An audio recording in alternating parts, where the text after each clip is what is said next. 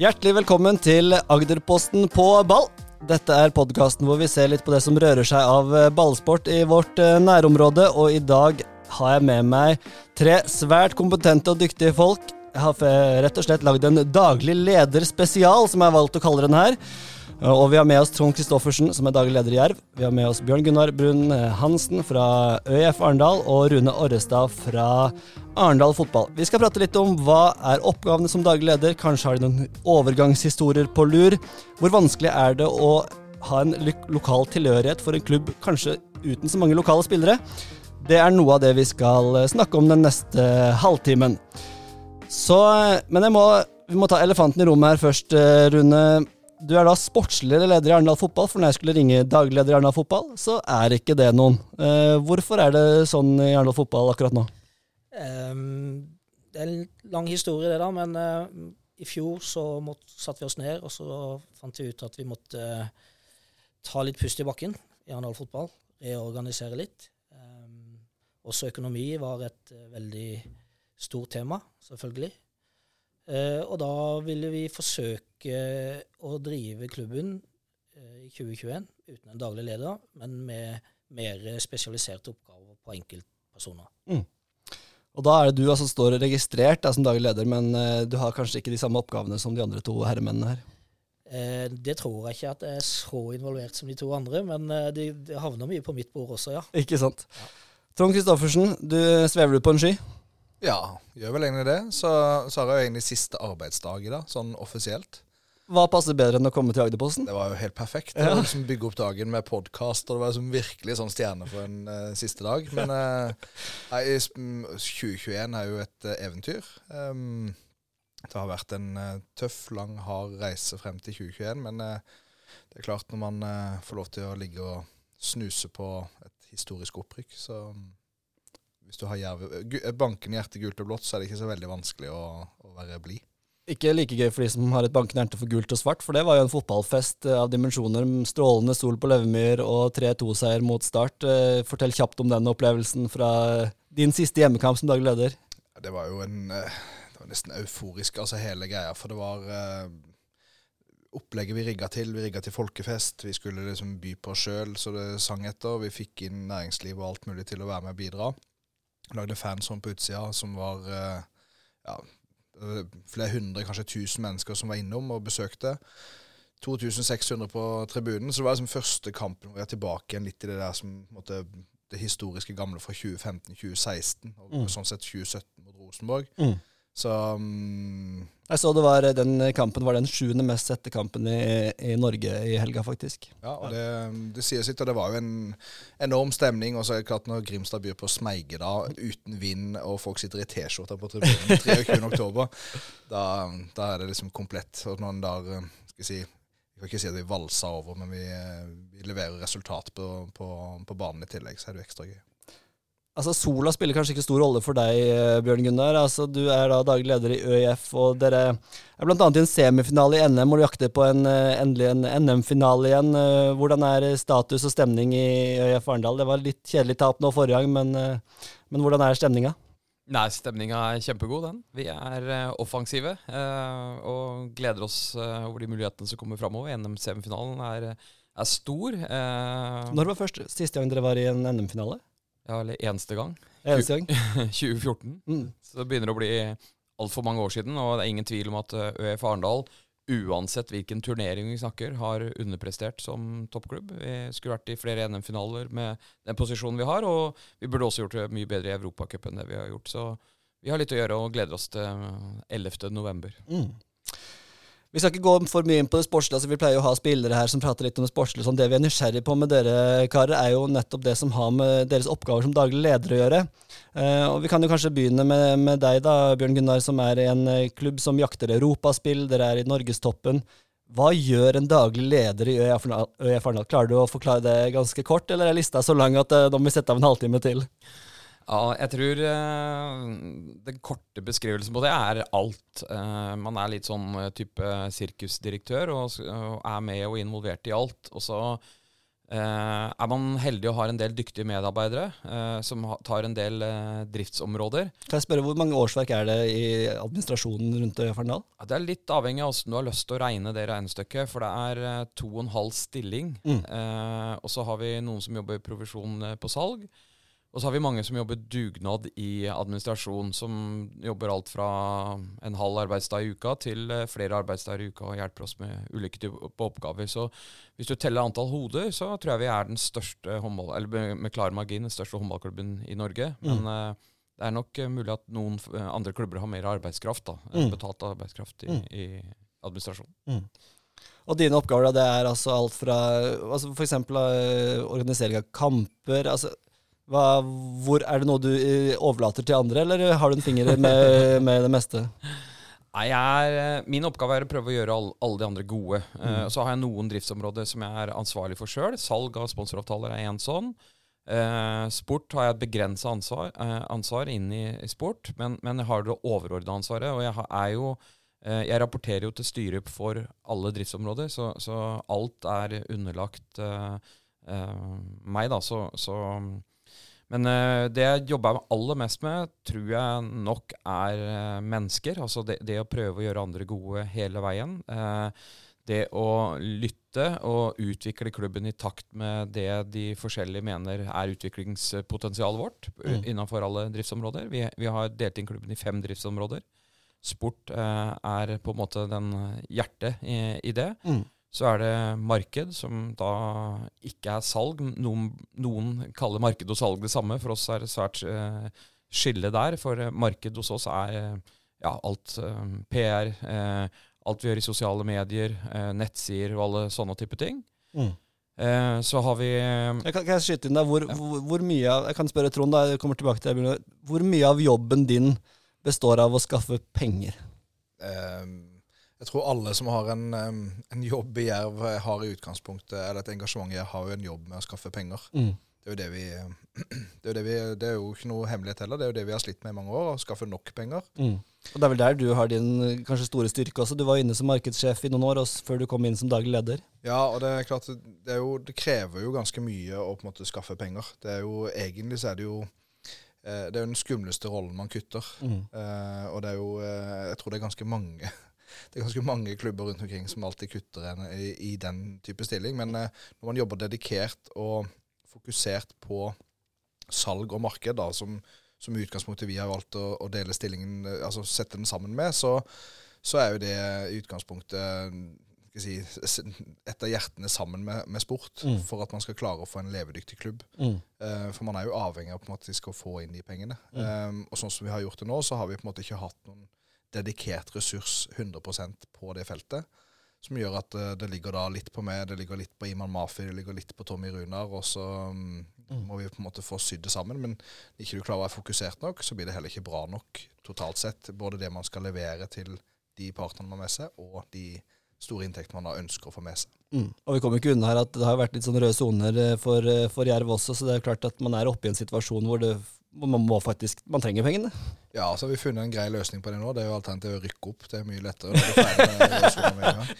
Så det er lettere det enn å finne mer penger, men um, Ja, kan jeg spørre om det? Hvor, hvor stor er forskjellen? Altså, det, er jo opp, det er jo penger her for hvilken plass man ender på i Obos-ligaen. Hvor stort er spranget eksempel hvis dere ender på en tredje kontra en femteplass? da?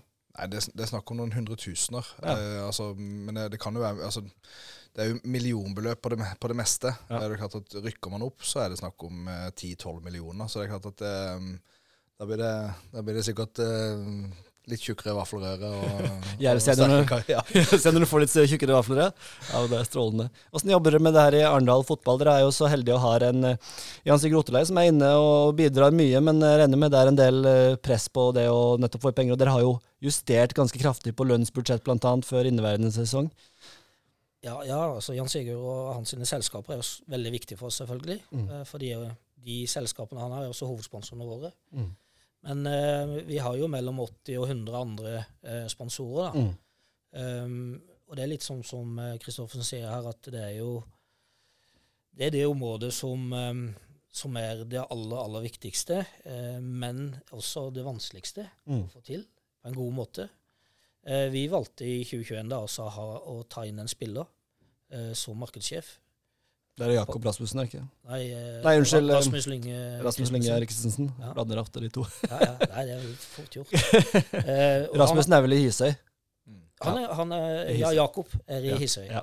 Så han eh, begynte der. Da har vi fått de brikkene på plass. Ja. Beklager, da kan du fortsette resonnementet. ja, ja. ja. Nei, eh, han har en 50% stilling da, som Mm. markedssjef i Arendal Fotball. Uh, og så må vi forsøke å utvikle han i den rollen. Mm. Men det å få dette godt nok, det, det må vi bli bedre på. Mm. Det er det ingen tvil om. Og så er det en ting til da, med å være i andredivisjon. Det er liksom det, Da er du i dødens når Mm. det gjelder økonomi. Mm. For det er litt akkurat sånn hvis vi hadde kommet opp et hakk til Obos, så skiller det veldig, veldig mye økonomi. I andredivisjon nå, med kun to avdelinger, så, så er det veldig høyt nivå. Nesten, nesten like høyt nivå som det er i Obos. Det er toppfotball. Det er toppfotball, Mm. Men eh, det er mye dårligere betalt fra fotballforbund og TV osv. osv. Det skjer vel en endring der for, eh, fra 2023 vel, som øker vel inntektene til alle klubbene, tror jeg. Sånn, jeg tror inklusiv Mm. Post Nord, sånn med TV 2 sitt inntog. Så mm, det betyr noe mer penger. Men jeg ser den eh, skvisen, det der å være i Altså, du må satse like hardt, og det er nesten vanskelig å rykke opp. Eh, og så har du på en måte litt mindre å rutte med, så skal du på en måte prøve å bygge et lag, og så skal du prøve å bygge entusiasme. Så er det sånn, Da begynner folk å tenke mer på at ok, det er gøyere med Ekspress. og så blir det sånn, Du konkurrerer plutselig med noen helt andre som måtte ha noen helt andre vilkår igjen.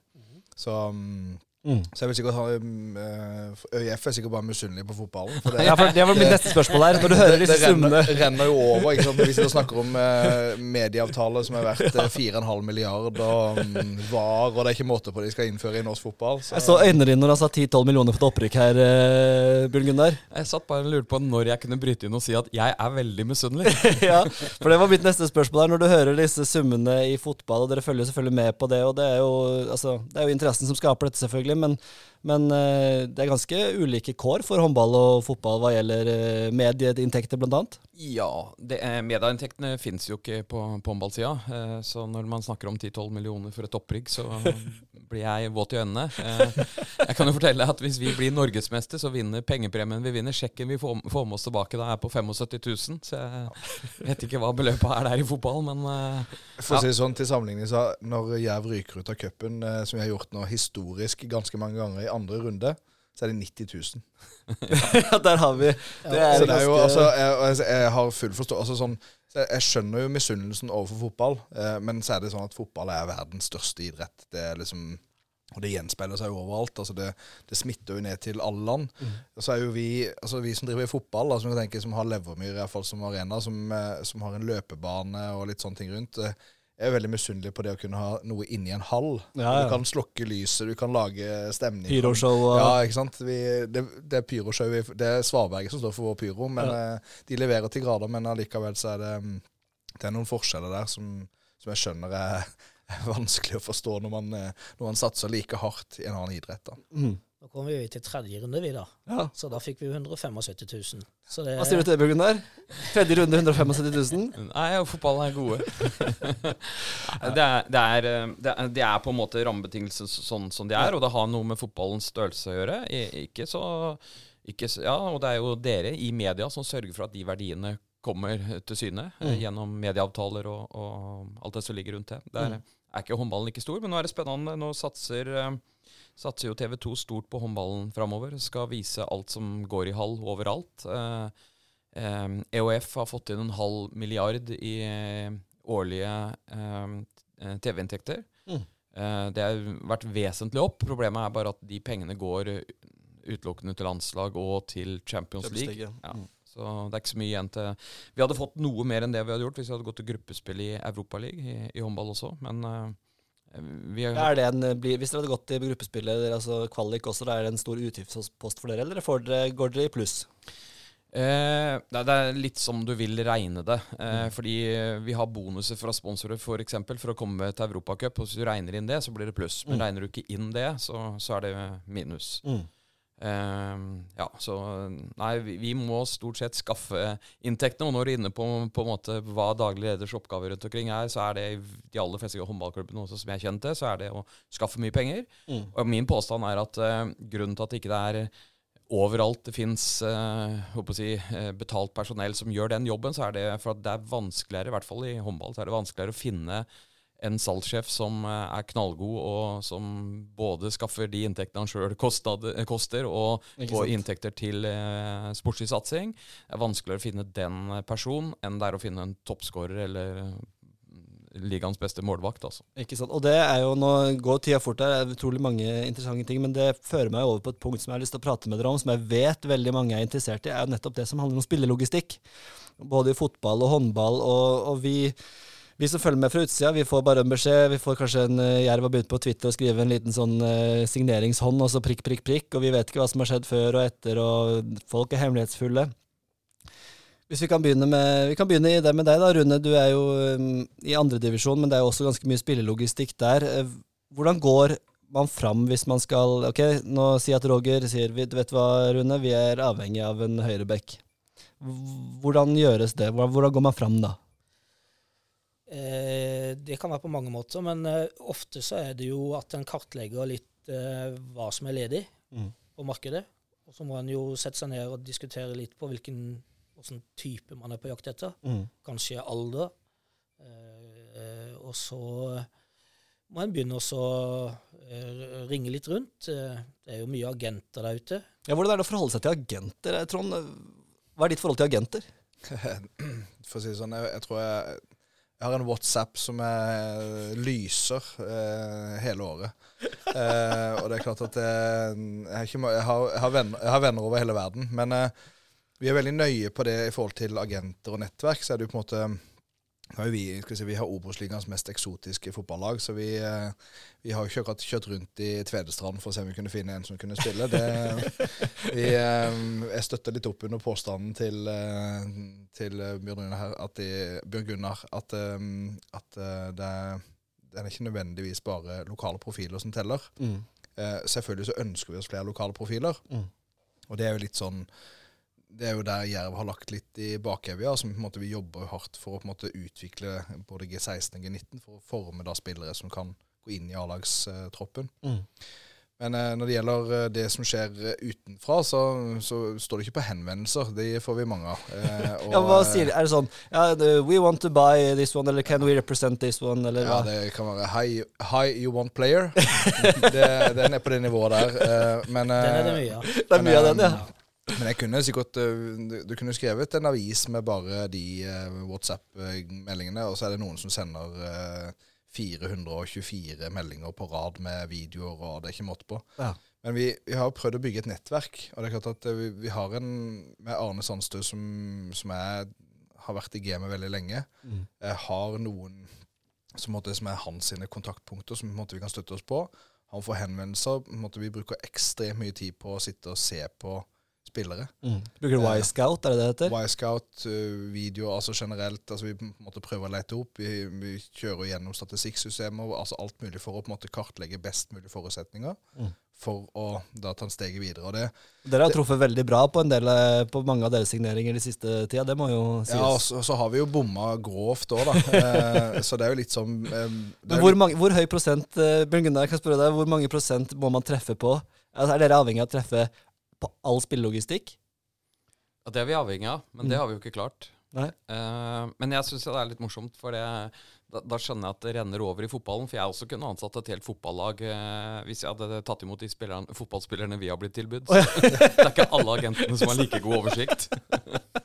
altså, du, sender, du, sender, det bare videre til, håndball, nei, til fotballdelen, gjør du ikke det? Jeg kunne gjort det. Ja. ja det. de rykker jo alene, så de trenger kanskje noen spillere. Så det, sånn sett så kunne de kanskje hatt godt av noen uh, fotballspillere. Men, men spillelogistikken i, i håndball, den, er, den, høres, er det sammenlignbart? Det er mer oversiktlig uh, i fotball, uh, nei, i håndball. Eh, før når jeg drev i Larvik, så var det veldig oversiktlig. Da skulle du ha verdens beste spillere. Mm. Eh, da hadde du god oversikt. Da dro, dro du ut et VM og et UVM, så hadde du stort sett oversikt over det du ønska å rekruttere inn. På herrehåndballen, hvor vi kan hente spillere på et lavere nivå som allikevel kan fylle en uh, flott rolle i, i, vår klubb, så er det selvfølgelig litt uh, større oppgave. Men vi ønsker i utgangspunktet nordiske spillere. uh, og vi abonnerer på alle kamper fra alle de nordiske ligaene på de to øverste nivåene. Mm. Så når vi får høre om en spiller som er god, så kan vi umiddelbart gå ut og ta, ta alt det er tagga på den måten at vi kan da gå inn i et program, og så henter vi ut alt den spilleren har gjort. Mm. Og så har vi veldig god oversikt. Det øker kvaliteten på rekrutteringa veldig. Dette er Og da går ny det, metodikk. går det via deg og så trener, eller hvor går Nei, det- på I utgangspunktet så er vi ei gruppe bestående av tre stykker som kikker på eh, hva vi ønsker og hva vi, hva vi vi har på plass. Og så eh, melder vi de spillerne inn som vi eh, ønsker at gruppa skal se. Og så henter vi ut all den videoen vi kan gjøre på det. Og det har vi hvis det er nordiske spillere, og det er de fleste. Mm. Så har vi veldig god oversikt. Og så lager vi statistikk etterpå på ting som vi mener er viktig. Og så eh, vekter vi dette. Og så til syvende og sist så handler det jo egentlig ikke om hva vi har kartlagt, og sånne ting, men hva er det muliges kunst? Eh, hva kan du få til, til, til Norge? For det er Men hvordan begynner man da å, å pris? Altså sånn, sier de ja, vi skal ha 500 000 for han, og så sier de nei, nei, nei vi skal bud, han er ikke verdt mer enn 200 000. Eller er det som en budkrig i eiendom, eller hva? Er fryktelig enkelt i håndball. Skal du ha overgangsbeløp? Nei, da får vi se etter en annen. så det er veldig enkelt. Eh, eh, hos oss så handler det på en måte mer om lønnsnivået, altså Ja. hva vi kan tilby av lønn.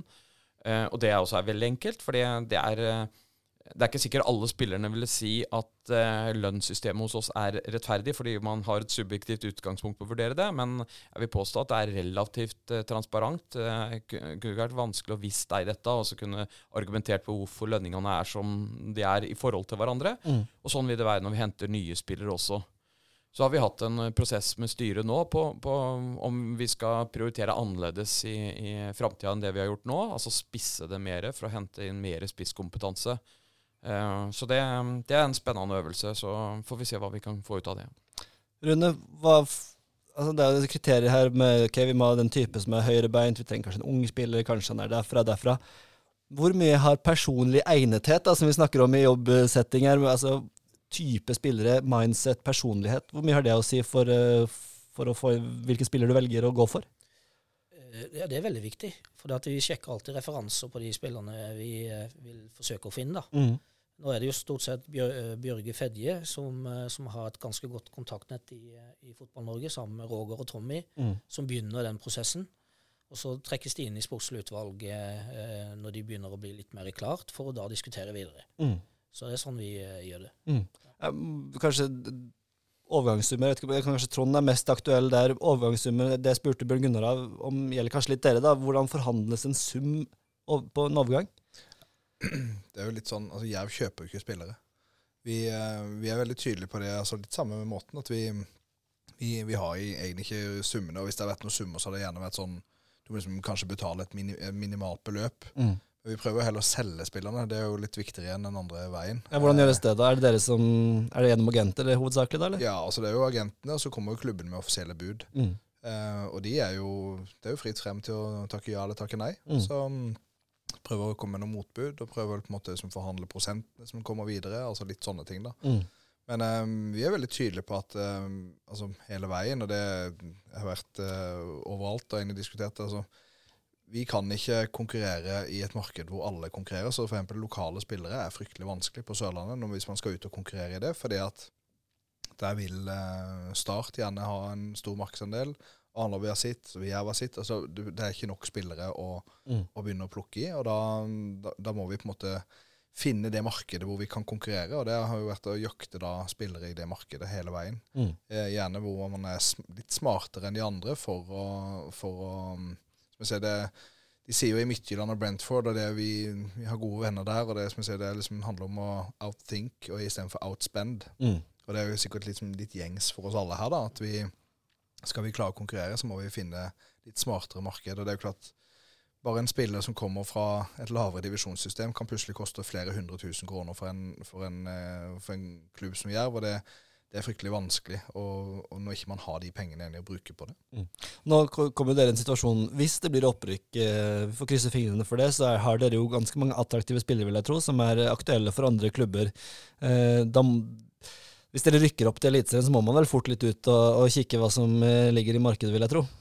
uansett om Jerv rykker opp eller ikke, så må vi ut i markedet, eller så må de ut i markedet og hente flere spillere Mm. for å bygge troppen videre. Og Det er klart at det er noen sånne skifter som skjer hele tida. Noen som går, går ut av kontrakt. Skal man fornye, skal man ikke? altså Det er litt sånn. Mm. Men um, jeg tror jo sånn generelt så er det klart at eh, det å selge spillere fra Obos-ligaen kontra å selge dem fra Eliteserien har veldig mye å si. Mm. Altså det, det å selge fra Eliteserien har en helt annen verdi Mm. videre.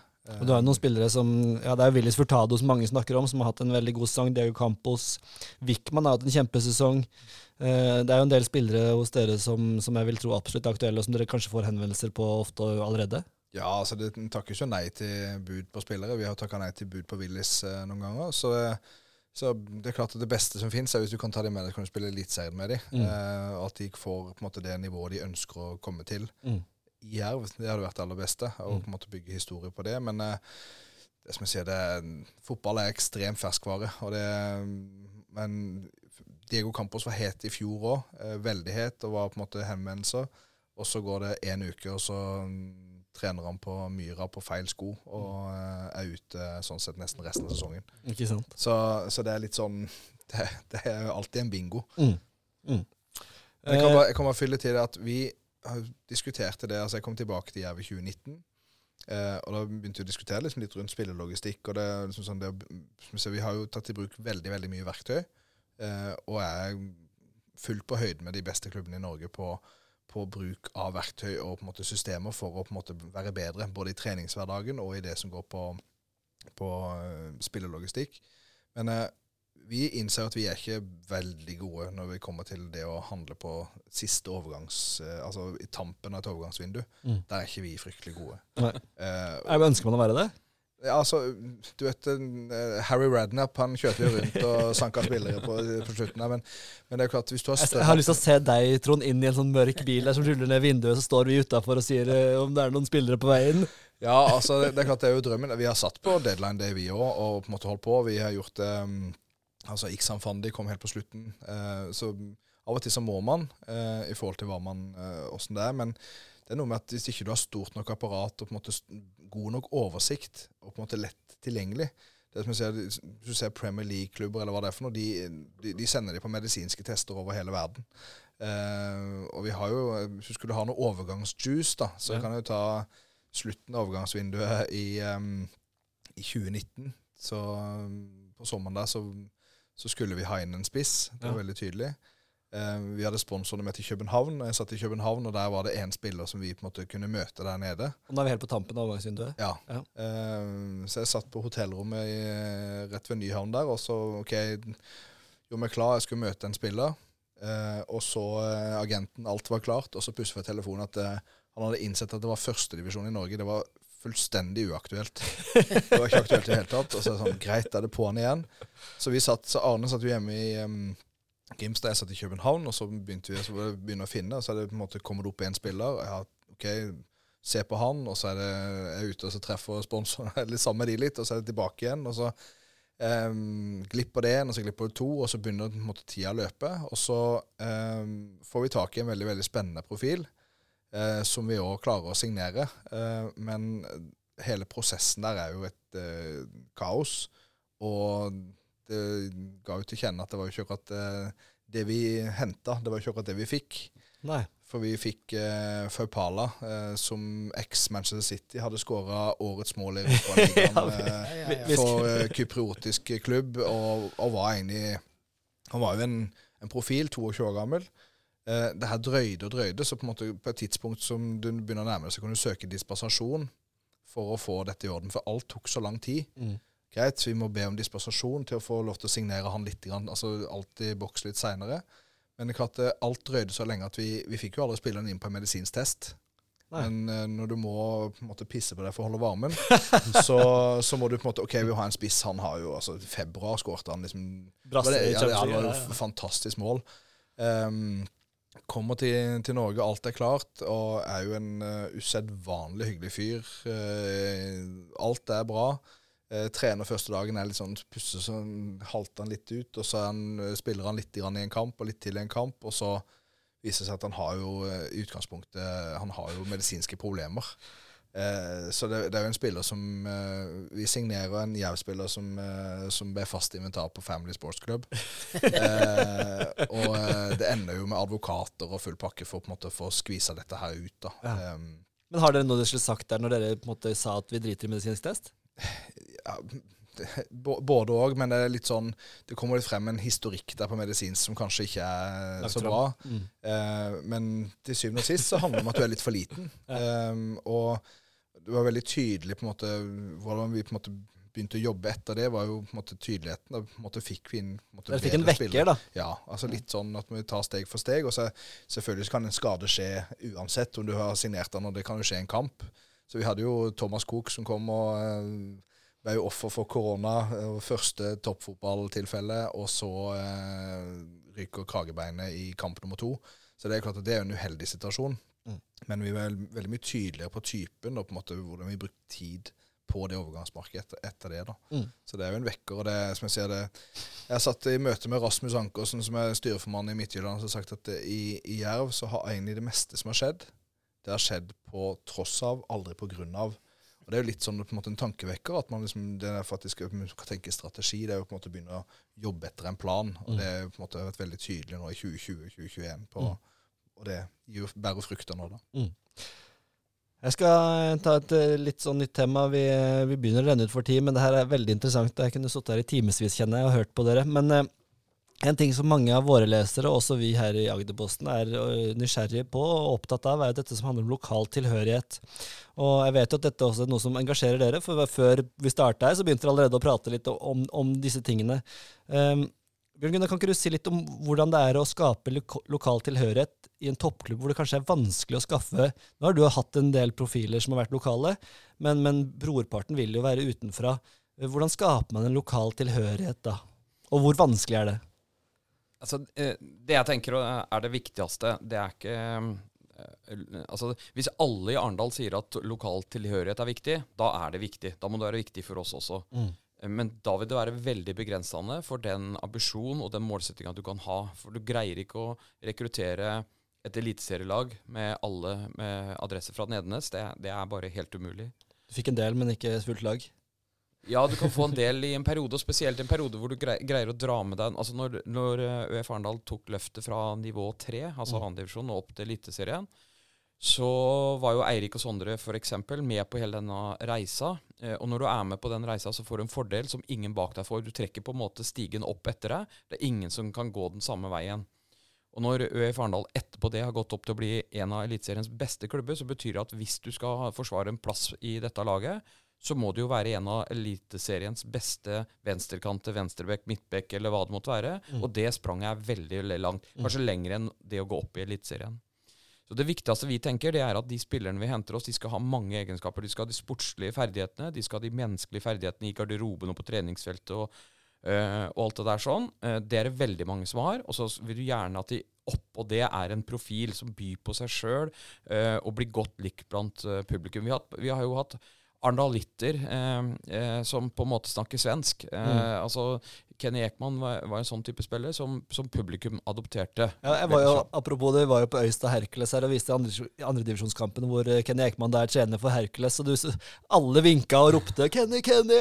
Så det var tydelig at, som du sier, at det var en eh, svensk andalitt. Så det viktigste det er jo at vi har profiler. Det er det viktigste. Og hvis de profilene i tillegg er lokale, så er det helt klart det aller, aller beste. Mm. Men det er, eh, det er ofte vanskelig. Mm. Nå skal det sies at det finnes ikke et eliteserielag i Norge som har flere sørlendinger på laget enn det Ø Farendal har, eller i troppen. Mm. Eh, men om det kommer til å bli sånn bestandig ikke hvis vi har de ambisjonene som Elverum har, f.eks. For, eksempel, for du ser jo det er ikke så mange elverumsinger på, på, på Elverum, og det, det har med det å gjøre.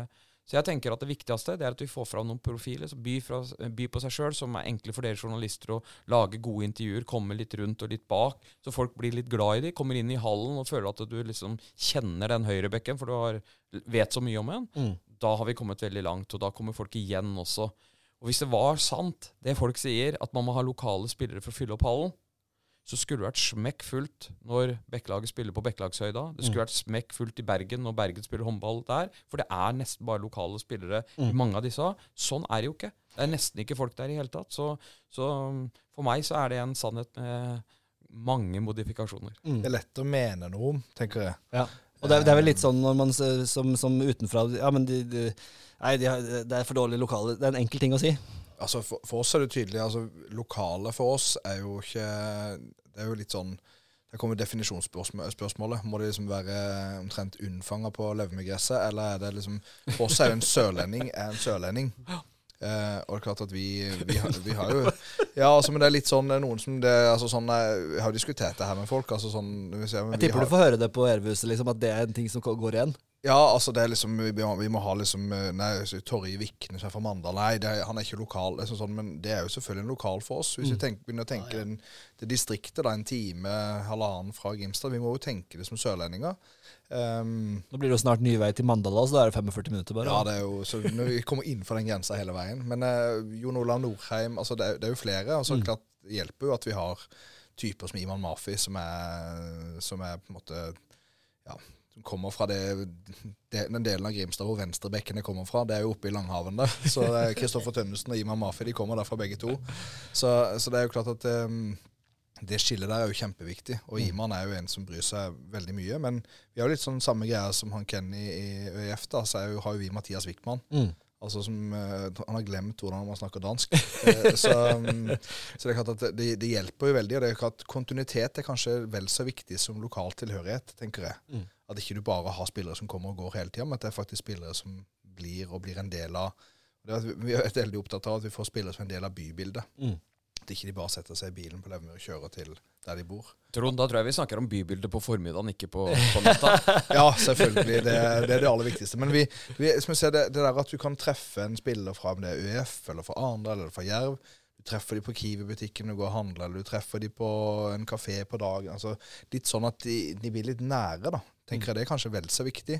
De profilene, de du på en måte sitter og heier på, på når du er på kamp. Absolutt. Og vi, og vi snakket litt med Rune om det før podkasten. Nettopp det om at eh, Sånn som for meg som bor i Grimstad og har unger der. Jeg går i byen og ser ofte spillere komme med treningsdrakter, og så kan jeg si at han spiller på Jerv, eh, som dattera mi har begynt å spille på Da. Altså, de får på en måte forbilder som de ser, ser i byen, da, og, og jeg vet at dere har jo begynt å tenke mye mer sånn dere også i Arendal, Rune. Ja, ja, altså Vi har også stramma inn det der med at eh, spillerne våre de skal bo i Arendal, eller i hvert fall veldig nær Arendal. Mm. Um, vi har hatt litt for mange som har eh, vært i, fra Kristiansand og, og og gått på skole i Kristiansand, og også bodd i Kristiansand. Mm. Så da har det vært sånn at de etter trening hiver seg i bilen, og så er de vekk. Mm. Nå bor uh, nesten alle i, i Arendal, og noen faktisk i Grimstad. Eh, så det har blitt mye bedre. Mm. Og vi har også noen, hatt noen dansker over lang tid. da. Sune og Rasmus og Jakob uh, gikk jo til Hisøy nå pga. skade. Mm. Men de blir jo betrakta som, som lokale etter hvert. De har vært, eh, vært lenge. Mm. Ja. Så det er liksom, som jeg hører, skjønner det, så er det på en måte den, den, den tanken om lokal spiller, lokal tilhørighet. Det handler kanskje vel så mye om, om klubber og bygge spillere inn i en klubb, da, kontra det å ha at han er fra Nednes eller han er fra, fra Asdal. At det er vel så viktig at klubben får den lokale tilhørigheten. Ja, jeg tror det. For det, det som de andre sier, det er litt lett å si det. da. Hvis du skal kritisere noe, så er det veldig lett å finne den. da. Det er, Vi gidder ikke å følge opp, eller vi gidder ikke å gå på kamp fordi at det er ingen lokale. Mm. Men vi ser jo det at uh, det som teller aller, aller mest, det er resultatene. Mm. Jo bedre resultater du har, jo flere folk kommer på kamp. Mm. Det er ikke noe tvil engang. Jeg tenker jo litt sånn Det er jo det beste for eh, altså, Som jeg ser, vi mens, vi mens vi venter på at de skal på en måte støpes og formes, de her lokale unge spillerne, iallfall i vår egen klubb, da, så er det jo ikke noe som er bedre enn at du har gode spillere du kan få lov til å trene sammen med eller se opp til. Mm. Og det er å på en måte utvikle deg videre der.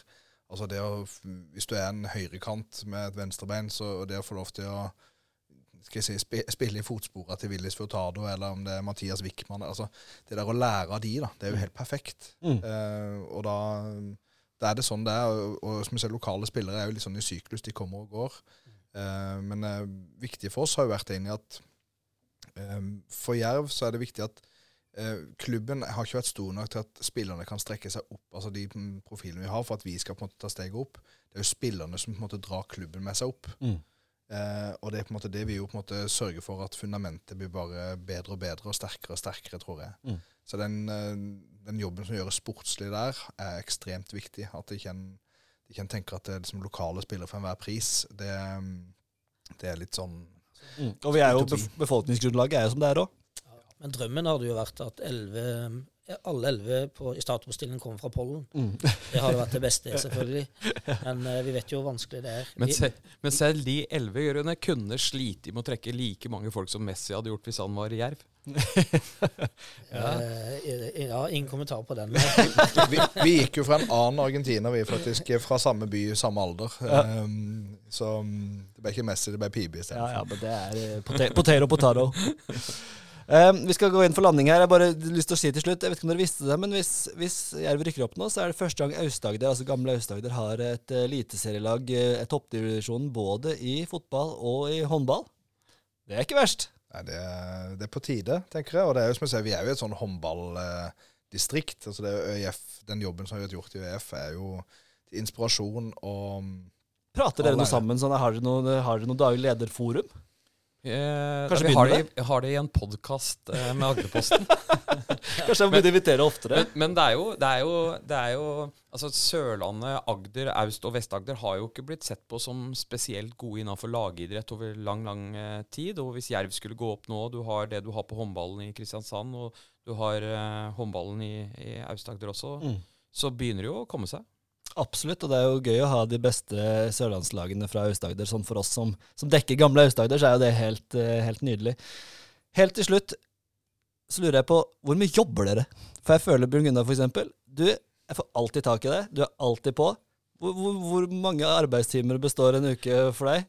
I går ringte jeg til lederen vår, Bjørn, sa jeg Bjørn, nå må jeg bremse litt. Jeg må få lov til å trene litt om morgenen og hente meg litt inn, for nå er jeg sliten. Ja. Um, og det er, du er inne på en krevende øvelse med det å være daglig leder i disse her. Det, du, du jobber i alle helger, du jobber på kvelden, du jobber på dagtid. Det, det, det er aldri stopp. Ehm, fordi det er alltid noen eh, Altså du har det profesjonelle med næringsliv og alle sånne type ting på, på, på dagen. Eh, og kanskje en del av de interne prosessene i klubben også. Og så har du liksom det frivillige, eh, litt med spillere og eh, ting som handler om sånne ting, eh, på kvelden. Og så har du kamper enten borte eller hjemme i helger, og da har du litt å gjøre på media eller hvor det Ja, vi ringer jo stadig vekk, og vi krever jo svar. Ja, ikke bare krever. altså Dere er jo den viktigste kanalen for, for alle oss som er her. og Det å komme ut gjennom dere og bli synlig gjennom dere er det viktigste vi gjør. Så det å ikke by på tilgjengelighet vil være fryktelig dum. Og så er det jo sånn at alt henger sammen med alt. Så det er ikke sånn at du kan liksom Det, det er ikke noen ting som ikke er viktig. Mm. Eh, om det er en dugnadsmedarbeider som vil ha løst en utfordring, en føle seg urettferdig behandla, eller hva enn det skulle være, eller om det er eh, eh, ja, noen hos deg som ønsker kontakt med oss på kvelden, eller, eller er en viktig sponsor, så er alt henger sammen med alt. Så er det vel litt sånn at mange tenker at når sesongen er over, da kan liksom, da, da, det, det gleder jeg meg til. Sier, det er jo egentlig det verste, for da begynner jo alt det som skal lukkes ned og åpnes opp. Altså sånn Så vi har jo satt jeg satt noen romjula liksom, eh, og på en måte flikka og ordna og på en måte få siste ting til å på en måte gå i hop. Ja. Eh, med både tall og regnskap. Altså det, nå har jo ikke det gått helt i hop alltid, men, eh, men fall eh, på en måte prøvd å gjøre det så greit som mulig. og det er klart, Så det er jo um, Året i fjor var kanskje helt ekstremt pga. covid, men uh, da hadde jo dere, dere permittert meg. Vi hadde jo aktivitet hele veien, og det var egentlig bare enda mer intenst. I fjor hadde jeg tre dager fri. Um, så, så det Det skal bli jo- godt nå. Ja, nå Siste arbeidsdag i dag. Skal vi gi en liten hyllest til han, eh, Bjørn Gunnar og Rune? Hva, hva syns du om eh, jobben Trond har gjort? Siste arbeidsdag i dag. Det er ikke gærent han har fått til. Nei, jeg syns det, det, det Jerv har fått til i år, er fantastisk. Eller ikke bare i år, men over lang tid. Det er en liten by. Eh, De har vært i Obos nå i syv sesonger. Mm. Så det står virkelig respekt av det Jerv har gjort. Og selvfølgelig, ledelsen er veldig viktig for å få ting til. Mm. Så um, all respekt, og gratulerer med en flott sesong. Takk for det. Du blir aldri bedre på banen enn du er utafor banen. Og det problemet er at du må være veldig god utafor banen over tid for at det skal slå ut på banen. Så det forteller mye om hva Jerv har fått til, og den prestasjonen det er. Og det er ingen tvil om at utfordringene Så nå toppen er eh, en del hardere på, på fotballen. Det er jo mange som ikke klarer det, selv om de får mange millioner kroner av mm. holdende eh, sponsorer. Mm. Nei, Det passer jo fint da, at du kunne avslutte eh, daglig lederjobben her hos oss. eh, hos oss eh. Trond, Jeg tror vi sier at det var det. Du, apropos mye å gjøre, du skal være på et møte om tre minutter, du, Gunnar. Jeg springer. Takk for i dag. Tusen takk for at Trond Christoffersen, Bjørn Gunnar Brun Hansen og Rune Orrestad kom til eh, Agderposten på ball. Jeg heter Øystein Bjerkestrand og ønsker på gjenhør neste gang. Da skal vi helt sikkert ha noe spennende å by på da også. Takk for i dag.